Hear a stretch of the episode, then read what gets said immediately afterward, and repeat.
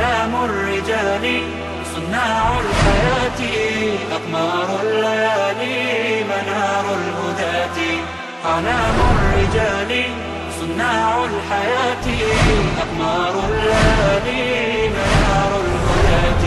فزالوا سباتي وصاروا بذاتي نشيد الحياة. وصاروا بذاتي نشيد الحياة. تركنا الهوانا وعادت قوانا بعزم الأبات. وعادت قوانا بعزم الأبات. آه يا من تسامى وخلى المنام.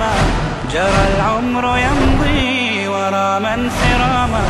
جرى العمر يمضي ورا إن الحمد لله نحمده ونستعينه ونستغفره ونعوذ بالله من شرور أنفسنا ومن سيئات أعمالنا. من يهد الله فلا مضل له ومن يضلل فلا هادي له. وأشهد أن لا إله إلا الله وأن محمدا عبده ورسوله. وقال ربنا في كتابه الكريم بعد أعوذ بالله من الشيطان الرجيم. يا أيها الذين آمنوا اتقوا الله حق تقاته ولا تموتن إلا وأنتم مسلمون. Zahvala pripada Allahu subhanahu wa ta'ala, koga naš gospodar uputi na pravi put, zaista je upućen, a koga ostaju u zabludi, nećemo naći nikoga ko će ga uputiti na pravi put. Svjedočim da nema drugog istinskog Boga osim Allaha subhanahu wa ta'ala i da je Muhammed alaihi salatu wa salam posljednji Allahov poslanik poslan sa istinom. Uzvišeni plemeniti kazao u svojoj plemenitoj knjizi o vjernici, bojte se Allah istinskom bogobojaznošću i ne umirite nikako drugačiji osim kao muslimani. Zatim, assalamu alaikum wa rahmatullahi wa barakatuh. Hvala Allahu subhanahu wa ta'ala koji nas je poživio i sakupio ponovo na ovom bareć mjestu da nastavimo govoriti o njegovim lijepim imenima kojima se on subhanahu wa ta'ala opisao u svojoj plemenitoj knjizi. Večeras kao što smo najavili, kazat ćemo i spomenut ćemo još dva veličanstvena Allahova te bareke ve ta'ala imena i sa njima ćemo završiti spominjanje Allahovi te bareke ve ta'ala imena kojima se on subhanahu ta'ala opisao u svojoj knjizi, a nakon toga ćemo prijeći na imena kojima se uzvišeno opisao u sunetu Muhammeda alaihi salatu wasalam. Večeras e, ćemo govoriti o dva velika imena koja su povezana sa imenom koje smo spominjali prošli put. A prošli put smo kazali i spominjali ime El Hakim, mudri. Večeras ako Bog da govorit ćemo dva nova imena. O imenu Allaha te bareke ve ta'ala El Hakem i El Hakim. Dva velika Allahova subhanahu wa ta'ala imena za koje ćemo i navesti govor učenjaka gdje su kazali da ova dva velika Allahova te bareke ve ta'ala imena obuhvataju, a posebno ime El Hakem. Obuhvata sva Allahova te bareke ve ta'ala lijepa imena u njihovo savršeno, savršeno značenje. I prošli put smo najavili da smo ova dva imena ostavili namjerno za kraj kako bi na najbolji način shvatili i razumjeli Allahova subhanahu wa ta'ala prethodna imena koja smo spominjali, o kojima smo govorili, da na najljepši način shvatimo i razumijemo da u istinu Allahu te bareke ve ta'ala pripada apsolutni sud. El hakim il hakem imaju značenja kako u jeziku za čas spominje da su sličnog značenja i da jedno i drugo ukazuju pučelju na značenje da je Allah te bareke ve ta'ala vrhovni sudija. Da je on sudac, apsolutni sudija. Odnosno kada bi pokušali govoriti da je on subhanahu wa ta'ala najpravedniji i najmudriji sudija. Najpravedniji i najmudriji sudija. Svi njegovi pro- propisi, sve njegove odredbe, svi njegovi zakoni, sve njegove presude sadrže u sebi vrhunac, vrhunac mudrosti i vrhunac Allahove te bareke ve ta'ala pravednosti. Znači vrhunac mudrosti i vrhunac, vrhunac pravednosti. El hakeme u arapskom jeziku ima značenje upravljati, presuditi, donijeti presudu, Dok značenje riječi hukum, vama svima poznata i mnogo se koristi, također ima značenje odredbe. Odredbe koja dolazi od strane Allaha te bareke, te bareke, wa ta'ala. Također ona ima značenje i znanja. Ima značenje, znači znanje ili mudrost. Zbog čega? Zato što su tri harfa, osnovna, znači harfa koja dolaze u ovoj riječi, ha, kef i mim, proizilazi znači iz same riječi mudrost, el hikme. Tako da uzvišen Allah te bareke vetala, pored toga što mu pripada apsolutno pravo, znači suda, da on donosi odluke, da on određuje i propisuje šta je halal i šta je haram, također on to radi svoje neizmjerne i savršene, savršene mudrosti. Veličanstveno Allahu te bareke vetala ime El Hakem spominje se samo na jednom mjestu, samo na jednom mjestu u Kur'anu. Dok Allahu te bareke vetala ime El Hakim spominje se u obliku množine na pet mjesta, na pet mjesta u Kur'anu.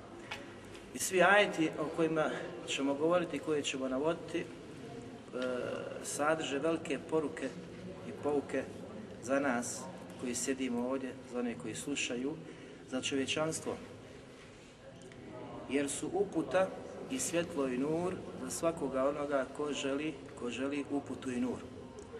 Posebno da se vlada po uputi koja je došla od Allaha te bareke, te bareke vetala. Allah Đelešanu kaže Efe gajra Allahi ebtagi hakemen wa huwa alladhi enzele ilaikumul kitabe mufassala.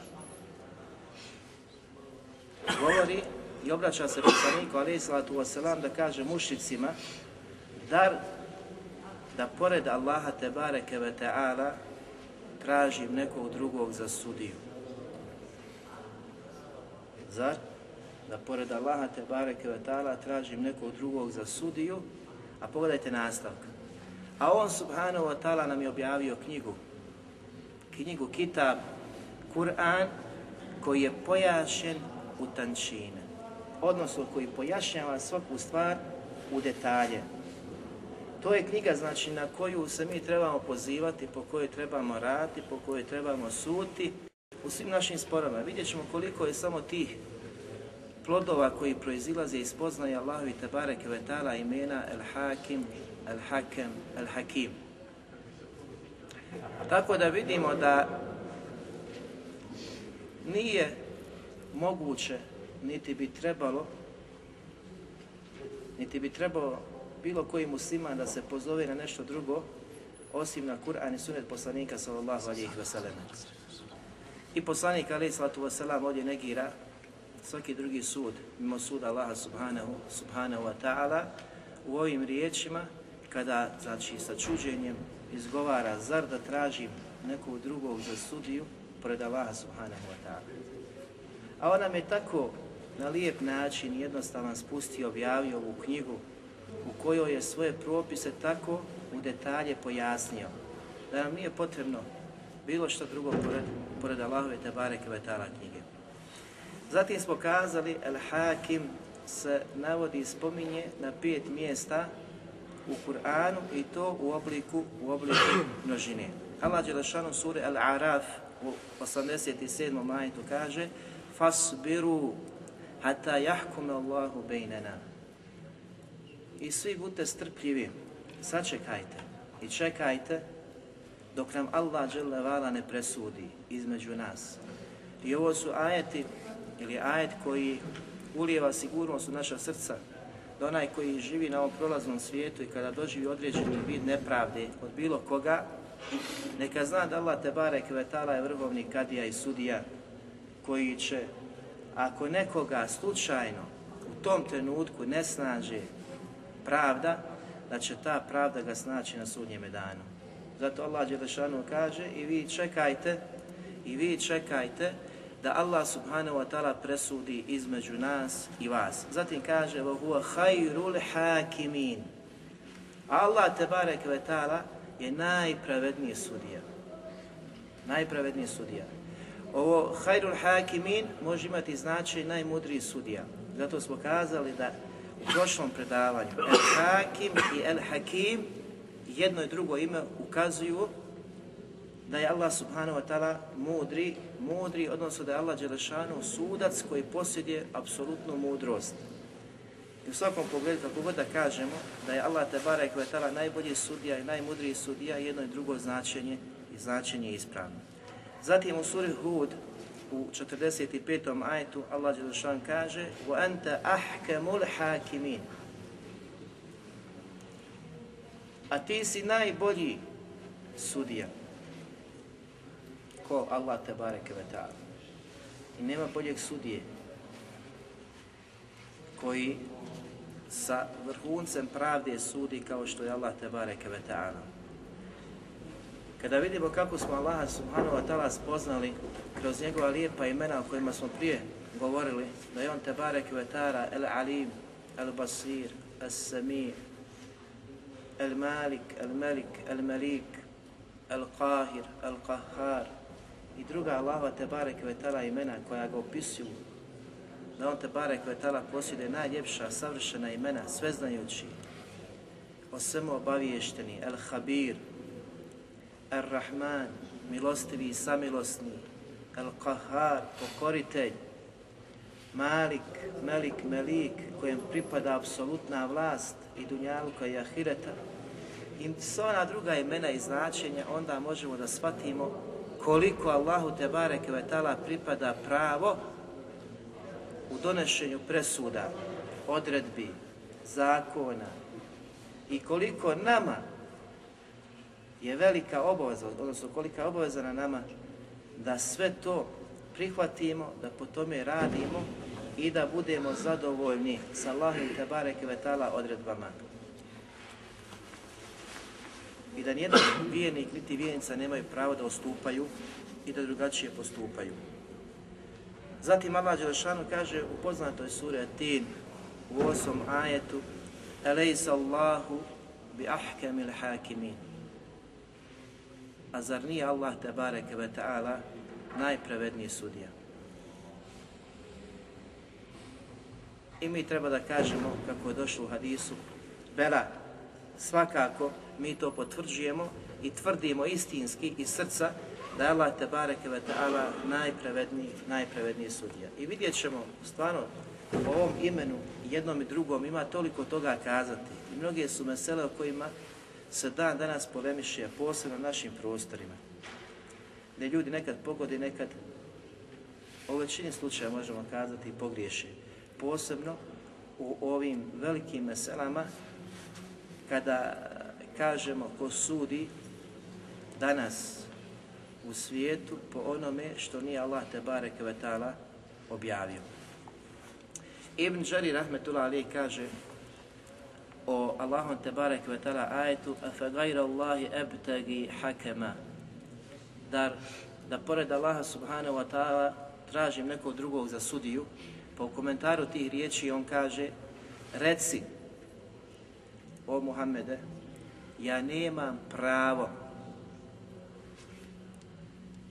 Ova definicija svima nama će ukazati na veličinu, na veličinu ove mesele o kojoj se danas raspravlja i priča.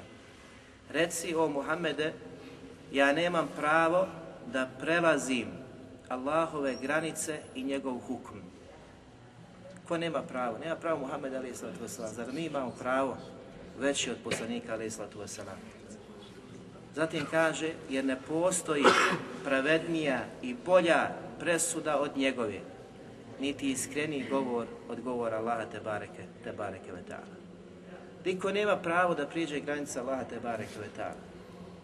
Ne samo što ćeš zapostaviti granu, glavu okrenuti, nego što ćeš ti uzeti sebi za pravo da doneseš drugi hukm i drugi propis smatrajući ga boljim, boljim za ove naše prostore i naše vrijeme da ljudi postupaju, postupaju po tome.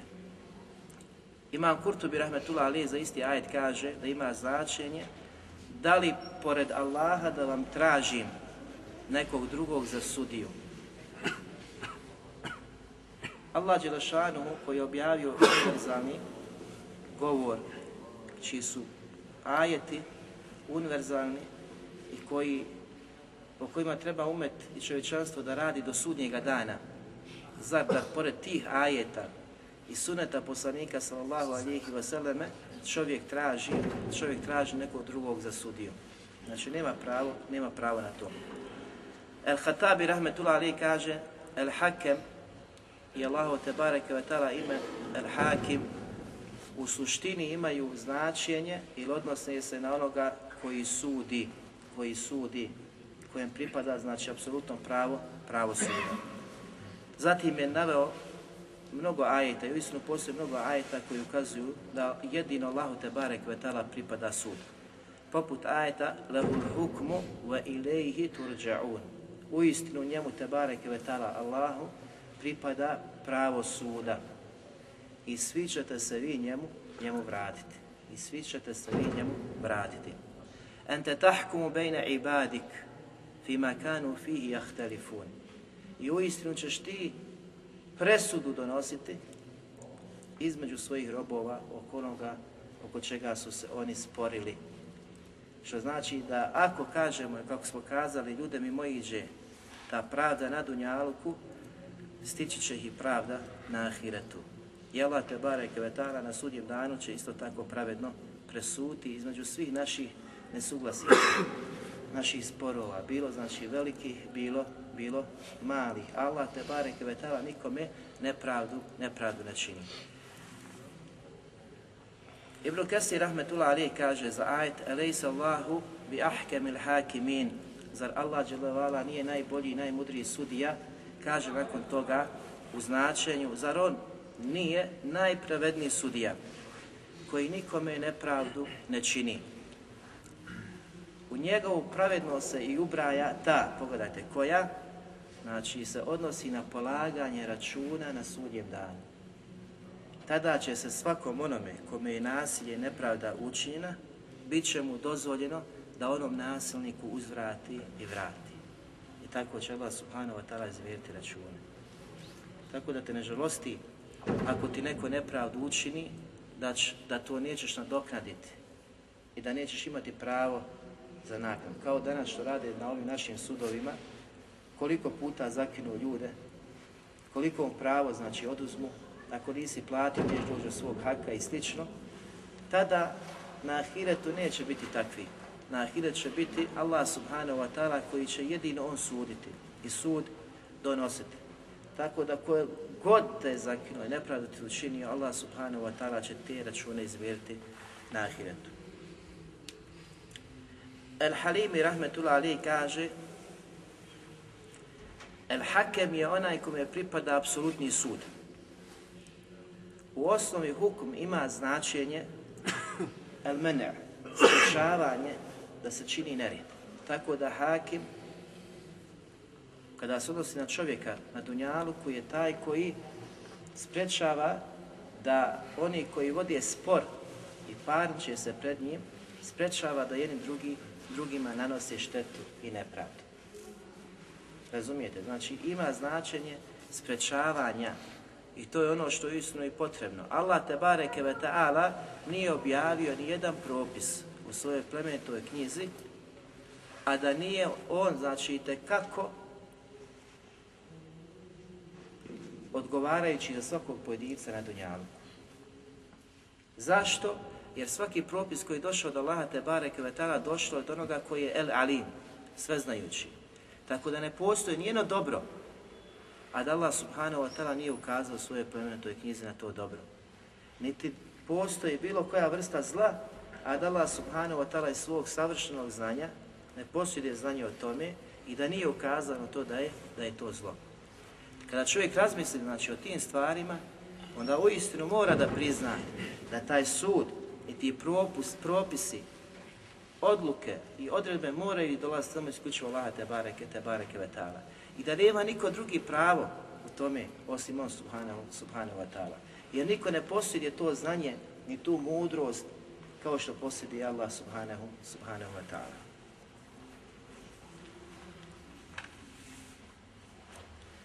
Prvi plod koji proizilazi iz ovih Allahovi te bareke ve ta'ala veličanstvenih imena jeste da svaki vjernik i vjernica moraju priznati Allaha te bareke kao vrhovnog sudiju.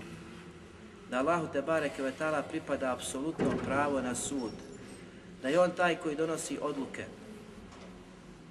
I da ih moraš poštovati, cijeniti i pokušati koliko si god u mogućnosti da radiš po onome što Allah te bareke traži, traži od toga.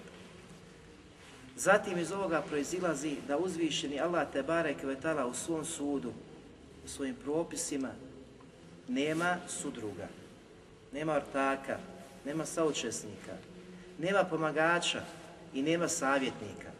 Isključivo sve naredbe, svi emrovi dolaze od Allaha subhanahu, subhanahu wa ta'ala.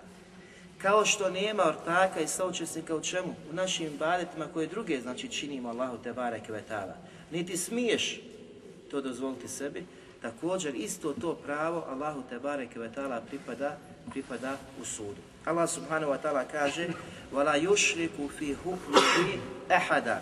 Ovaj ajet je malo poznati sure Kaf 26 je u prevodu značenja ima i on ne uzima nikoga, znači nikoga ne uzima u odlukama svojim kao ortaka, kao nekog savjetnika, saučesnika. Isključivo dolaze odredbe jemrovi od Allaha subhanahu, subhanahu wa ta'ala. Kao što je došlo u drugom ajetu gdje Allah što kaže فَمَنْ كَانَ يَرْجُوا لِقَاءَ رَبِّهِ Ko bude tražio i priželjkivao susret sa svojim gospodarom Tabareke wa ta'ala فَلْيَعْمَلْ عَمَلًا صَالِحًا Neka radi, neka čini dobro, dobro djelo. Zatim kaže Allah subhanahu wa ta'ala وَلَا يُشْرِكْ بِعِبَادَةِ رَبِّهِ أَحَدًا I da u tome nikog drugog ne smatra ravnim Allahu subhanahu wa ta'ala. Pogledajte, identično je došlo i u prvom i drugom. U prvom, u hukmu Allaha te wa ta'ala, njegovim propisima, njegove presudi, njegovom sudu, ne postoji neko ko može, znači, biti ortak Allahu subhanahu wa ta'ala. Također i u ibadetu kojeg činiš, kojim se približavaš Allahu subhanahu wa ta'ala, nije dozvoljeno, nije dozvoljeno, znači, da ima, da ima neko ko je ravan, ko je ravan Allahu subhanahu wa ta'ala. Zatim kaže Allah subhanahu wa ta'ala u suri Al-An'am u 57. ajetu Enel hukmu illa lillah. Zaista sud pripada Allahu subhanahu wa ta'ala. Ovaj ajet danas često sluša od mnogih da sud pripada samo Allahu subhanahu wa ta'ala. Walahul hukmu wa ilaihi turja'un. I njemu pripada apsolutno pravo na sud. Da on propisuje zakone, odredbe. I svi ćete se njemu, svi ćete se njemu vratiti. Zatim kaže Allah subhanahu wa ta'ala وَمَا اخْتَلَفْتُمْ فِيهِ مِنْ شَيْءٍ فَهُكْمُهُ إِلَى اللَّهِ U bilo čemu da se vi raziđete.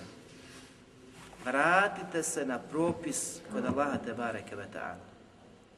U bilo kojem sporu, naredba od Allaha te bareke ve ta'ala da se vratiš, da se vratiš na hukm koji ćeš naći u Allahovoj knjizi ili sunetu poslanika sallallahu, sallallahu alihi wa sallam.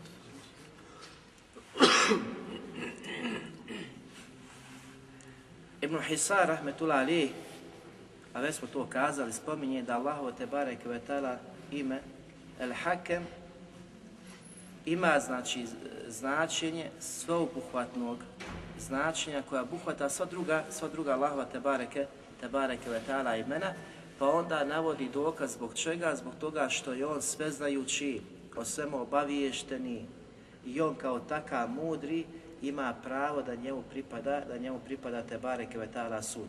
Jer niko ne posjedi osobine koje posjedi Allah subhanahu, subhanahu wa ta'ala da bi mogao znači da donosi neku odredbu, neki propis. Nije mudar poput Allah subhanahu wa ta'ala, niti može.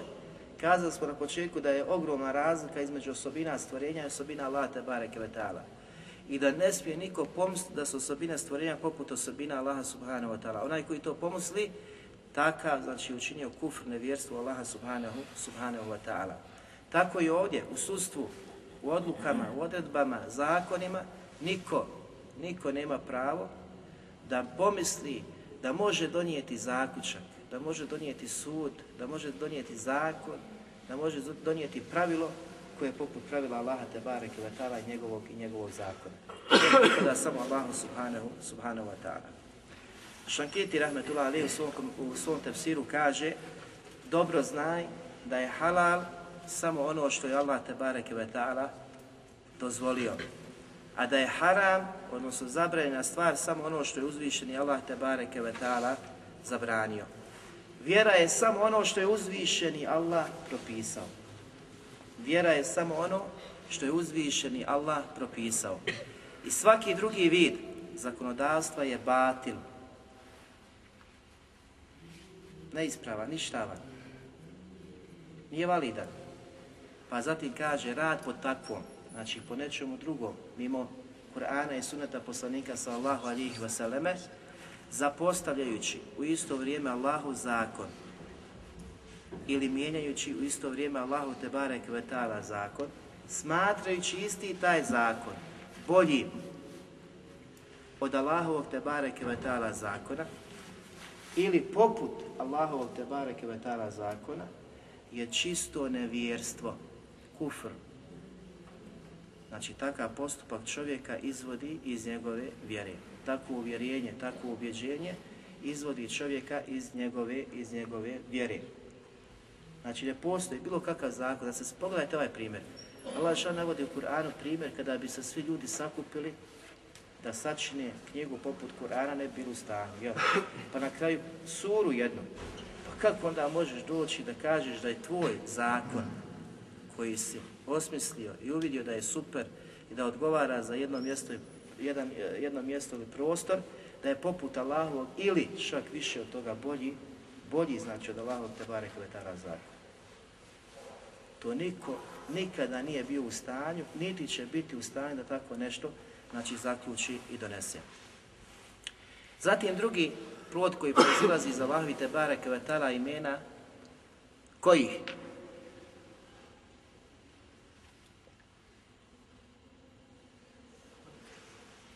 el hakim il hakem jeste da Allah te barek ve ta'ala određuje određuje zakone one, one koje on te barek ve ta'ala želi koje on hoće i to je njegovo pravo znači ne sada ljudi se okupe sakupe mi bi htjeli to nama odgovara ovo ne odgovara to i da traže, kao što je narod od Musa a.s. tražio. Ne, Allah što kaže Inna Allahe jahkumu ma yurid. Allah Đelešanu propisuje ono što on hoće. Allah propisuje, niko drugi ne propisuje, samo Allah propisuje. I obaveznim čini ili daje čovječanstvu, sredbenicima, poslanika ono što je on propisao u određenom vremenu i prostoru kada su poslanici dolazili do Muhameda alaihi salatu, alaihi salatu wasalam. Ovaj ajet jasno ukazuje da jedino i apsolutno pravo pripada Allahu da propisuje.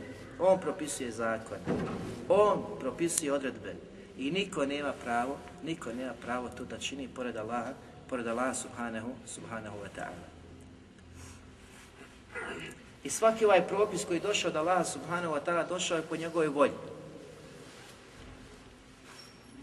Ono što on hoće, što Allah smatra, što Allah želi, on to propisuje. I on subhanahu wa ta'ala što želi, što hoće, čini halalom. Ono što on te barek ve ta'ala smatra, želi i hoće, čini zabranjenim. Niko nema pravo da pita zašto, zbog čega i kako. Jer je to njegovo pravo. Allahu pripada jedino pravo da on propisuje. I niko drugi nema pravo na to. I zato Allah subhanahu wa ta'ala iz svog apsolutnog prava u propisivanju određene stvari čini nama naređenim, vađibima, strogim obavezama koje moramo da izvršimo. Jer je on propisao. Pogledajte danas kako ljudi obavezuju na ove neke laičke zakone pa imaju sankcije, ne izvršiš to, to. Allah te barek je tala kojem pripada veličanstven primjer, najveličanstveniji primjer, on je taj kojem pripada pravo da propisuje određene stvari, čini e, obaveznim, a onaj koji ne izvrši, dolazi sankcija, prijetnja, ili na Dunjaluku, ili na Ahiretu. Ili na Dunjaluku, ili na Ahiretu. Allah Đelešan kaže u suri Rad u 41. ajetu Wallahu jahkumu la mu'aqiba li hukme. Allah Đelešanuhu propisuje, određuje. I niko nema pravo da kaže zašto, kako, zbog čega si to gospodar učinio. U njegovim propisima nema greške, nema propusta. Sve je savršenstvo. Jedan od šehova u Medini nam je govorio kada se vratite svome narodu, pričajte im o savršenstvu dinu, dina, savršenstvu Islama. Pa ovo savršenstvo Islama, ako ste gledali oni koji su pisali tu temu, poput Muhameda ibn Abdeha, Šankitija i ostali, uvijek spominju, znači pravo Allaha te bareke vetala, da njemu apsolutno pravo pripada na ibadet, samo njemu ibadet čini, i nikom drugom. Samo Allahu te bareke vetala. I niz drugih tačaka koji ukazuju na savršenstvo vjere, koja može biti samo savršena iz razloga što je došla od Allaha te bareke vetala. Koliko je samo ljudi koji su u gafetu, nemaru, zabudi, daleko od vjere, istinske i prave vjere, smatrajući ono pod na čemu su, da je to savršenstvo. A to je daleko znači od savršenstva, jer je došlo od ruku ljudi, misli koje su tu, znači prošle su misli ljudi, a ne znači ona mudrost koja je došla od Allaha, od Allaha te bareke, te bareke ve ta'ala.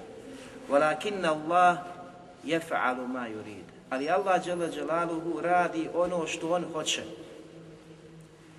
Allah propisuje šta hoće i radi šta on te bareke ve ta'ala hoće. To danas niko ne može da čini. Čim malo neko uradi nešto, neko se pojavi, obara sistem, ruši.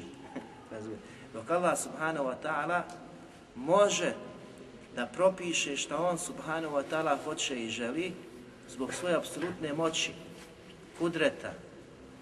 Jer on znači, je toliko moćan, najmoćniji od svi i on ima pravo, on ima pravo na to. Onda hoće sve ljude može uputiti. Onda želi te bare kvetala sve ljude može šta? Primorati na ibadet. I zato su došle sekte koje su pripisali Allahu te bareke ve osobinu da je primora određene ljude na kufr, nevjerstvo, što nije tačno. Nego Allah subhanahu wa ta'ala dao ljudima razum. Obdario je, znači, velikom stvara, to je razum, da može razlikovati dobro od zla, da bi mogao sam da izabere kojim će putem, kojim će putem krenuti. A nije ga ostavio opet u nemaru, u gafletu, nego je s vremena na vrijeme slao vjerovjesnike, poslanike, donosili su knjige, pozivali, pa među njima su bili oni koji su prihvatili davu, pa su postali najučeniji, pa su oni nakon poslanika počeli da pozivaju, da ljudima pojašnjavaju. Pa kada bi došlo vrijeme da sve nestane, ponovo bi Allah te barek vetala objavljao vjeru s vremena, s vremena na vrijeme. Tako, na vrijeme, tako da ljudi neće imati opravdanje pred Allahom te bareke, te bareke vetala. Zatim sljedeći plod koji proizilazi iz ovih Allahovi te bareke vetala veličanstveni imena, da je obavezan svakom pojedincu, muslimanu, da čvrsto vjeruje da objavu koju Allah Đelšan objavljuje, propise koje spušta, objavljuje samo putem poslanika, putem poslanika. I da ti propisi dolaze samo putem poslanika, ne kao što danas imamo ljude da za noći sutredan dođe sa novim propisima. Pa kad došlo mu snu, vidio, Allah nadahnu, Allah objavio, pa ono kada pogledaš o čemu priča je daleko od onoga što je došlo u Kur'anu i sunetu poslanika sallallahu alejhi ve sellem. Znači moraš čvrsto vjerovati da svi propisi dolaze putem poslanika, putem poslanika i da su ti propisi bili obavezi narodima i mjestima u kojima su oni pojavljivali. Do vremena posljednjeg poslanika Muhammeda alaihi sallatu wasalam, kada je njegovo poslanstvo i njegova risala koja je došla od Allaha subhanahu wa ta'ala obavezala cijelo čovječanstvo da se odazove i da slijedi samo Muhammed alaih sallatu wasalam. Nikoga drugog. I zato je poslanik alaih sallatu wasalam kazao kada bi moj brat Musa alaihi sallatu wasalam kane hajjen, kada bi bio živ, bila bi mu obaveza da me slijedi. Zamislite, da je Allah što proživio vremenu Muhammed alaih sallatu wasalam, Musa alaih sallatu wasalam. Da li bi se on pozvao na Tevrat koji je imao tada? Ili Isa, i Tevrat, Inđil, Zebur, da je Davud, bilo kod poslanika da je došao. Da li bi se mogao pozvati na te zakone? Ne. Morao bi da slijedi poslanika Muhammeda alaih sallatu wasalam.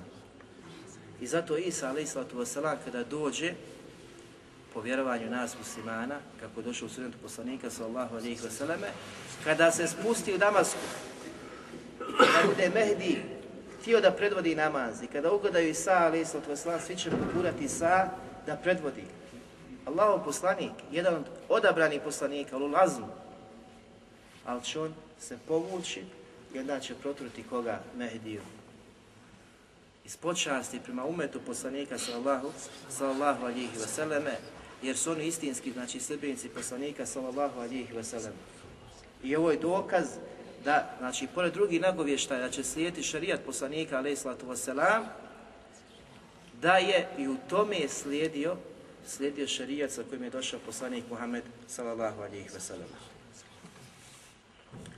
Zatim sljedeća stvar koja proizilazi iz ovih veličanstvenih Allahovi Tebare Kvetala imena da je obaveza, obaveza na svakom pojedincu da sudi po Kur'anu i sunetu poslanika sallallahu alaihi wa sallam. Ne samo da mi to pripisujemo kao vladarima, pa vladar malo fuli tamo, odmakne se od propisa Kur'ana.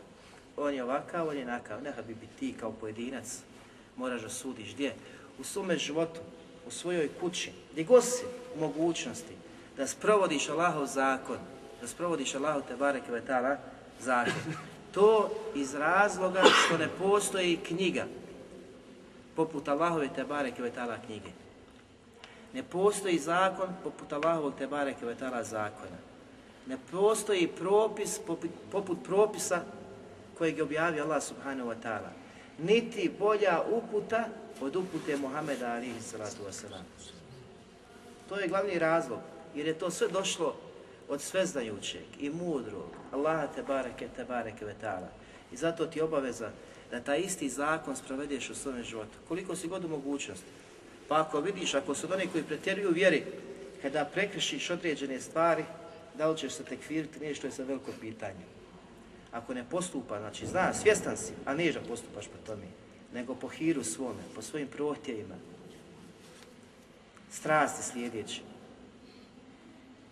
Znači ne smiješ, ali mora zadasti ti insan, da je šetan taj koji te stalno vreba i odvraća od Allahova te bare kvetala puta i da ćeš biti pobjeđen, ali ćeš uvijek biti borac ako se budeš vraćao i tražio da Allaha te bare kvetala te osnaži, da to jača, da ustraješ, da možeš podnijeti ove ajete, jer Allah Đelšanu kada je govorio o poslaniku Salasana nakon prvi ajeta objave, rekao da ćemo objaviti nešto što će biti teško da ponese.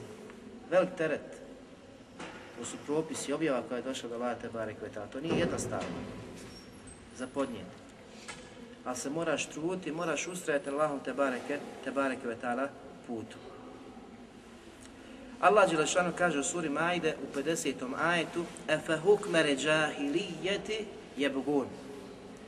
Zar oni žele da im se sudi kao što se je sudilo u paganskom vremenu, džahlijetskom vremenu ili sudom koji je bio tada u tom vremenu prisutan.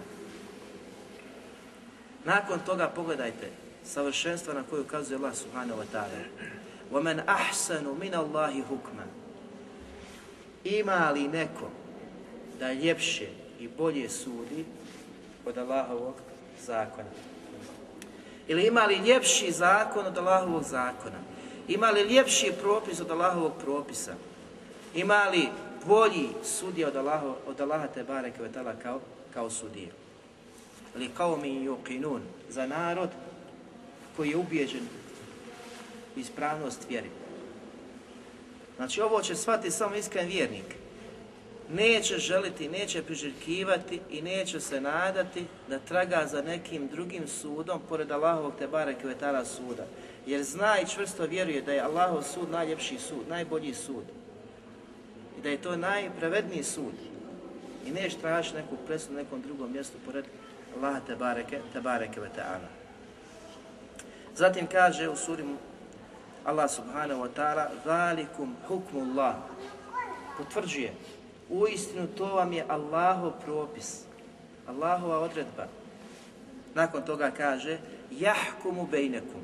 I on je taj koji propisuje propise između vas, koji su donosi između vas.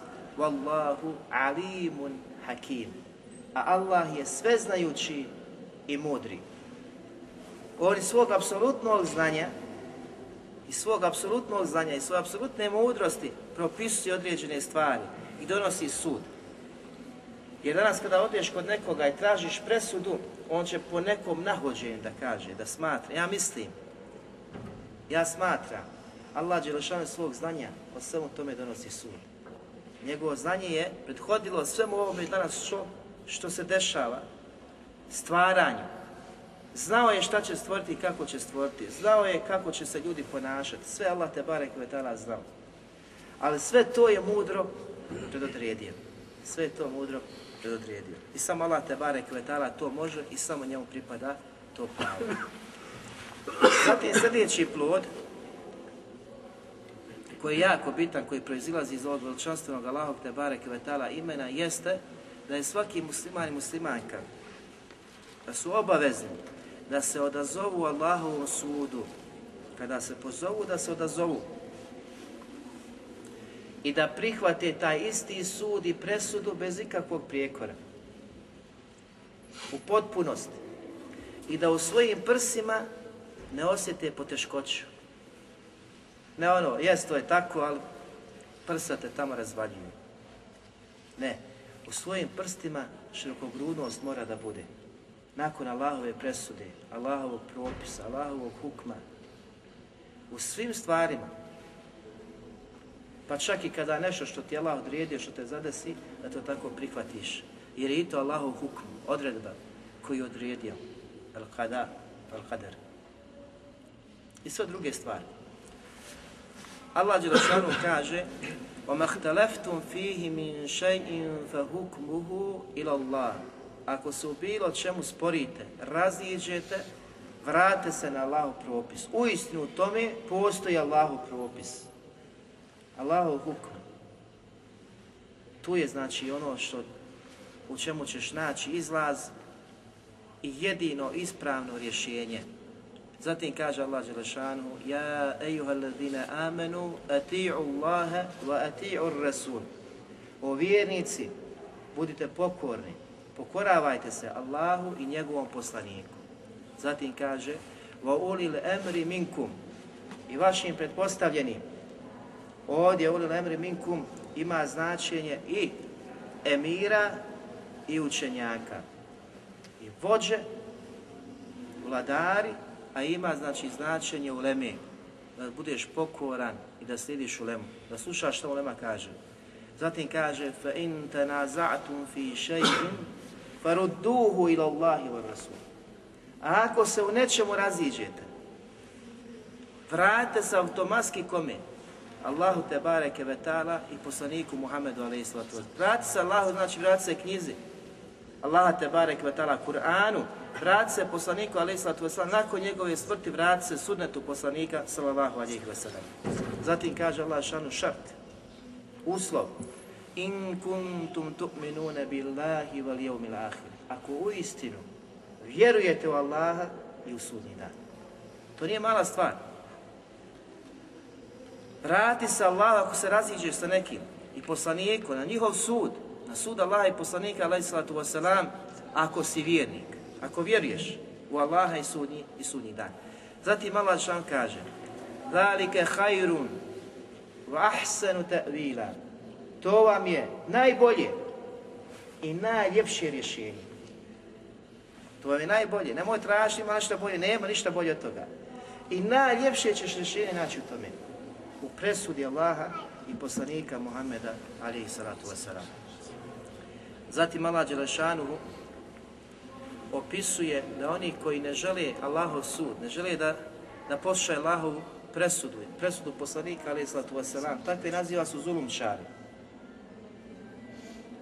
Takvi imaju osobinu nifaka, licemjerstva, jer ne žele se vratiti na Kur'an i sunet poslanika alaih sallatu wasalam.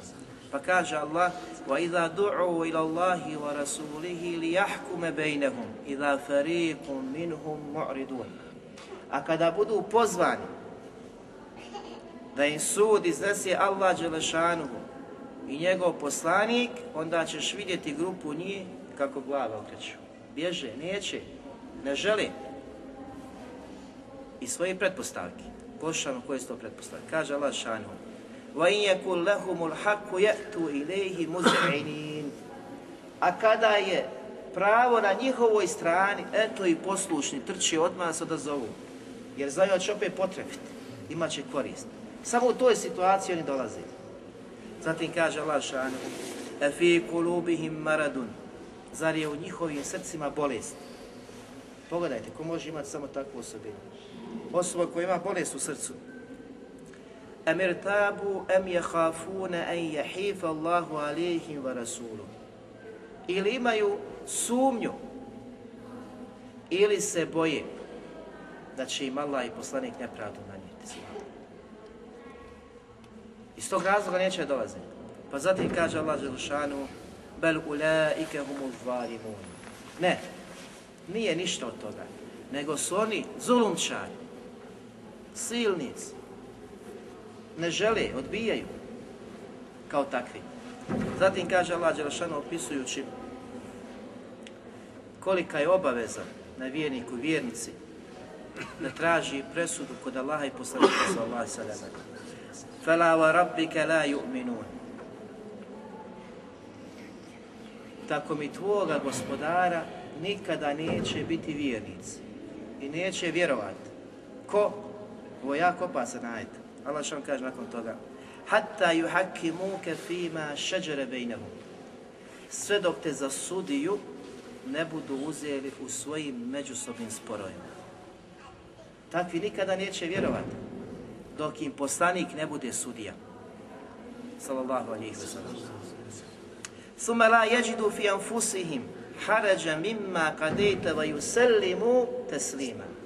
A nakon toga, kada ga uzmu za sudiju, i to nije dovoljan šart i uslov da ispuniš iman, nego nakon toga da tu presudu koju poslanik iznese, da ne osjetiš poteškoću u svojim prsima i da u potpunosti se predaš tome. U potpunosti. Tada ćeš biti vjernik potpunog imanja. Razumijete? Znači, to, to nisu obične stvari, nisu obične mesele, to su velike mesele o kojima čovjek treba da duma i da razmišlja i da kada vidi da neko znači, je zaista posvetio veliku pažu ovim stvarima, da ima pravo na to, a ne da zanemariš u potpunosti. Znači, niti da previše se posvećuješ, a niti da zanemaruješ. Moraš naći neku sredinu u svemu ovome, jer su ovo jako bitne stvari u našem životu. U našem vjerovanju. Bitnije od života. Život bude i prođe, nakon toga ima proživljenje, nakon proživljenja ima obračun. Za ono što si činio, za ono što si radio i kakvog si uvjerenja bio. I nećeš tek tako završiti, ako nisi bio zaista onako kako Allah te barek ve traži od tebe. Zatim kaže Allah Đelšanu opisujući pravi istinske vjernike. Innama kana qawla al-mu'minina idha du'u ila Allahi wa rasulih. Zaista su riječi istinski pravi vjernika bile onoga trenutka kada su bili pozvani da im Allah i njegov poslanik presude šta? Lijahkume bejnehum, en jakulu sami'na wa ta'na. Riječ jednostavna. Kad Allah pozove njegov poslanik da iznese hukme i propis o tome, da kažeš čujem i pokoravam se. To su bile riječi koga? Ashaba, poslanika, ali salatu wasalam. Na takav način su dozivali. Zatim kaže Allah humul muflihun. I oni su istinu ti koji će uspjeti. Ko bude tako doživljavao, danas ljudi pokušavaju određena braća imaju spor, imaju spor. Tragaju ko će biti taj kadija između njih, jel? Da se ne bi, znači, tražilo, tražila presuda pred ovim laičkim zakonima. I to je super stvar. Međutim, koliko se puta desilo da ista osoba koja to traži, kad dođe daja i presudi, pobjegne. Pobjegne. Kaže, nije to tako, presudio su njegovu korist, više ga voliš, više ga cijeniš, dobar si s njim i pobjegne. Zamislite, pobjegao iz jednog stanja u drugo, a iz drugog pre, prevazišao i gore, znači dostigo nego ono prvo stanje. Jer je odbio, odbio je hukma Allaha i poslanika sallallahu alaihi wa sallam. Zbog svojih strasti. Zatim sljedeća stvar koja proizilazi da ono što od plodova koji proizilazi iz Allahu i Tebarek i imena El Hakim El Hakem obavezuju svakog vladara da sudi po onome što je Allah te bareke ve ta'ala naredio, što je objavio i što je, e, što došlo u suretu poslanika Muhameda sallallahu alihi wasallam. Također, pod ovo, znači, ispada pravosuđe, sudstvo. Svaki onaj koji se bavi tim, svi moraju znači, biti pokorni Allahu i pokorni poslaniku i donositi zaključke, odnosno sud, onako kako je došlo u Kur'anu i sunetu poslanika sallallahu alihi. Jer je tu jedina pravda, jedina istina. I nigdje nećemo naći istinu i pravdu kao što je pravda u Kur'anu i sunetu poslanika sallallahu alihi wasallam. Allah Đelešanu kaže u suri Sad u 26. ajetu Ja Davudu inna ja'alnake halifatan fil ardi fahkum bejnen nasi bil haq. O Davude, mi smo te namjesnikom učinili na zemlji. Ovo je za svakog namjesnika, svakog vladara. Zato sudi bil haq među ljudima. Po istini, koja je najveća istina? Najveća istina danas koju mi imamo Kur'an i sunet poslanika ve sellem. I po tome trebaju da sude, da se vladaju i na to da se pozivaju. Pa kaže Allah dželešanu: "Wala tattabil hawa fayudillaka an sabilillah." I nemoj svoje prohtjeve, nemoj svoju strast da slijediš koja će te odvesti, zavesti sa Allahovog pravoga puta. Koja je to strast? Ne, nešto drugo mimo Allahovog zakona. Šta čini ta stvar? Odvodite od Allahovog te bareke jasnoga, jasnoga puta. Zatim sljedeći plod koji proizilazi jeste da je zabranjeno da se bilo ko naziva sa imenom El Hakem i to od onih imena koja su zabranjena. I kunja nadimak Ebul Hakem također je zabranjena. Otac, znači sudca. Zabranjen. Zbog čega? Zbog hadisa o kojem je e, Ebu Šurej prije, znači, imao nadimak Ebul Hakem. A hadis je Hasan, kako kaže ših Albani rahmetullahi. Znači da je došao kod poslanika sallallahu alihi wasallam pa je čuo poslanik sallallahu alihi da ga oslovljavaju i nazivaju Ebul Hakem. Pa je poslanik, pogledajte, odmah ukorio. Inna Allahe huval hakem wa ilaihi hukm. U istinu je samo Allah sudac i njemu pripada pravo suda, propisivanje. Ali pogledajte nastavak toga. Znači, ukorio ga je odmah. I onda ga pita zbog čega te tako zovu. Pa kaže, zaista u mom narodu, kada se ljudi raziđu, kada dođe do spora, dolazili su, kaže, kod mene, a ja bih nakon toga presudio između njih i svi bili zadovoljni. Kaže poslanik sa Seleme, kako to lijepo zvuči, kako je to lijep postupak. Super, znači, super stvar si činio. Međutim, da li imaš djece? Kaže, ima. Koga imaš? Kaže, imam Šurejha, imam Muslima, imam Abdullah. Kaže poslanik alaih sallatu wasalam, ko ti je najstariji od njih? Kaže Šurej. Kaže onda si ti Ebu Šurej. I tako mu je izmenio kunju iz, znači, Ebu Hakem u Ebu Šurej. Iz ovog hadisa također je fajda i korist da onaj koji želi kunju da ima, da je nadjeva po najstarijem djetetu. Po najstarijem djetetu, znači koje, koje mu Allah Tebare Kvetala podario. Zatim na kraju ćemo kazati da Allah Subhanahu wa ta'ala prijeti svakom ono ko glavu okrene, ko ne želi da sudi po Allahom te bareke ve ta'ala sudu, ko želi da zanemari Allahu te bareke ve ta'ala sudu, da takvima prijeti.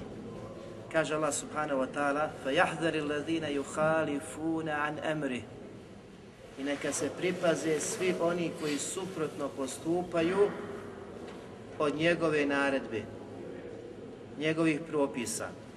أَنْ تُصِيبَهُمْ fitne da ih ne zadesi kakva fitna, kakvo veliko iskušenje. Evo yusibahum azabun elim, ili da ih zadesi strašna i bolna patnja od Allaha te bareke, te bareke. Zatim u suri Majda Allah Đelšanu na tri mjesta, na tri mjesta upozorava i ukazuje na veliku opasnost, na veliku opasnost i veliku odgovornost koju će snositi oni koji postupaju drugačije i koji sude drugačije nego što je Allah Tebare Kvetala objavio. u 44. ajetu, 45. i 47. ajetu. Allah Đelešanu kaže وَمَا لَمْ يَحْكُمْ بِمَا أَنزَلَ اللَّهِ فَأُولَٰئِكَ هُمُ الْكَافِرُونَ Ko ne bude sudio po onome što je Allah te bareke vetala objavio, uistinu su takvi nevjernici. U 45. ajetu kaže, ko ne bude sudio onome što Allah te bareke vetala objavio, takvi su zalimi, silnici, zulumčari. I u trećem ajetu da su takvi fasici, veliki grešnici. Oko ovih ajeta ima znači govora među lemom, a vi ste toliko toga slušali da ne treba tajsati. Ono što se traži i zahtjeva od nas, da nakon detaljne analize, zaista ko se je posvijetio ovoj velikoj meseli, a to je da sudiš po onome ili za one koji sude po onome što nije Allah te barek vetala objavio, e, imamo znači dva stava, tako možemo kazati, koji automatski onoga koji sudi po onome što Allah nije objavio smatra nevjernikom. Jer nije potrebno to pojašnjavati detaljsati u smislu da li on smatra taj zakon boljim ili ne od Allahov te barek vetala zakona. Ili da li je taj zakon poput Allahovog zakona. Nema tu ne razdvaja ništa. I tako znači smatra takvom osobom, da je takav tim postupkom izašao iz vjere. Druga skupina učenjaka smatra smatra da oni koji sude po nečemu drugom, što nije Allahov zakon, a u isto vrijeme vjerujući, vjerujući da je taj zakon poput Allahovog zakona ili bolji od Allahovog zakona ili da Allahov zakon ne, ne odgovara današnjoj situaciji, mjestu i prostoru, da je takav nevjernik. I po jednim i po drugim, po iđmalu. Dok prave razliku za onoga koji je prisiljen ili koji radi to iz požude, strasti, za stolicom, za malom, za imetkom i ostalim. Onda ne kažu, ne tvrdi da je takva osoba nevjernik, nego ga smatraju da čini najveći veliki grijeh od svih velikih grijeha. Znači ne postoji, znači pogledajte, znači ovo nije ono kaj vjernik, nevjernik. Pa kako ti to ne tekfiriš njega kad ga ulema ova tekfiri, ovi ga ne tekfiri. Ne, ne, ovi koji kažu nije nevjernik, kažu da je to kufr, dune kufr, da je to nevjerstvo, znači takvog oblika, da je već od bilo kojeg velikog grijeha koji čovjek čini. Ne postoji. Znači tako velikim ga smatraju. Međutim, u isto vrijeme ga ne smatraju čovjekom koji izašao iz okvira vjere. Još uvijek ima u njemu tinja iman. Zbog onog ubjeđenja kojeg nema u srcu da je taj zakon bolji od Allahovog zakona, isti poput Allahovog zakona i da, znači, ne tvrdi, ne smatra da Allahov zakon ne odgovara današnjoj situaciji, vremenu i prostoru. Ali oni su uvjereni i ubijeđeni, ta ista skupina uleme, da je on u velikoj opasnosti, da je to jedna mala nit koja ga odvaja od kufra i nevijesta. Vrlo jedna mala znači nit. Nakon ovih stvari, znači ne trebamo iznositi imena učenjaka koji ovo smatruju, svima su poznati jer se kod nas naširoko priča o ovoj temi. Ono što nama je potrebno, da ovoj temi mi uzmemo i da budemo fleksibilni. Da shvatimo da ovo nije iđma, jer mi ne znamo i nismo zavridili u srca onih koji danas sude, iako su mi jasna djela, razumijete? Ne znamo što je u srcima. Da li ja prihvatio činjenicu da ga tekfirim ili ne? Međutim, zbog razilaženja kod učenjaka o kojoj mesele, mi ne trebamo, znači, na ovoj meseli da gradimo ljubav i mržnju između nas. Nego jednostavno da prihvatimo onako kako jeste. Ako si prihvatio da onaj koji tako sudi, ja smatram te ne treba koriti da je nevjernik takva osoba.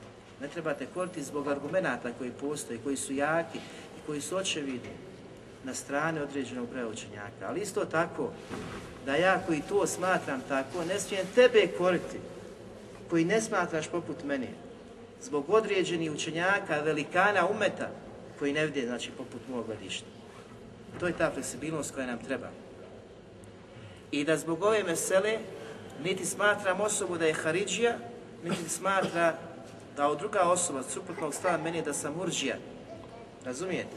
Jer to nema veze s vezom. Nikakve, znači, veze nema između toga. Ili pretjeruje jedna skupina ili pretjeruje druga skupina. Ovdje mora biti jedan središnji stav, a to je da će se spusti loptica i da budeš fleksibilan u ovim stvarima, jer su veliki argumenti na jednoj strani i na drugoj strani ulemi.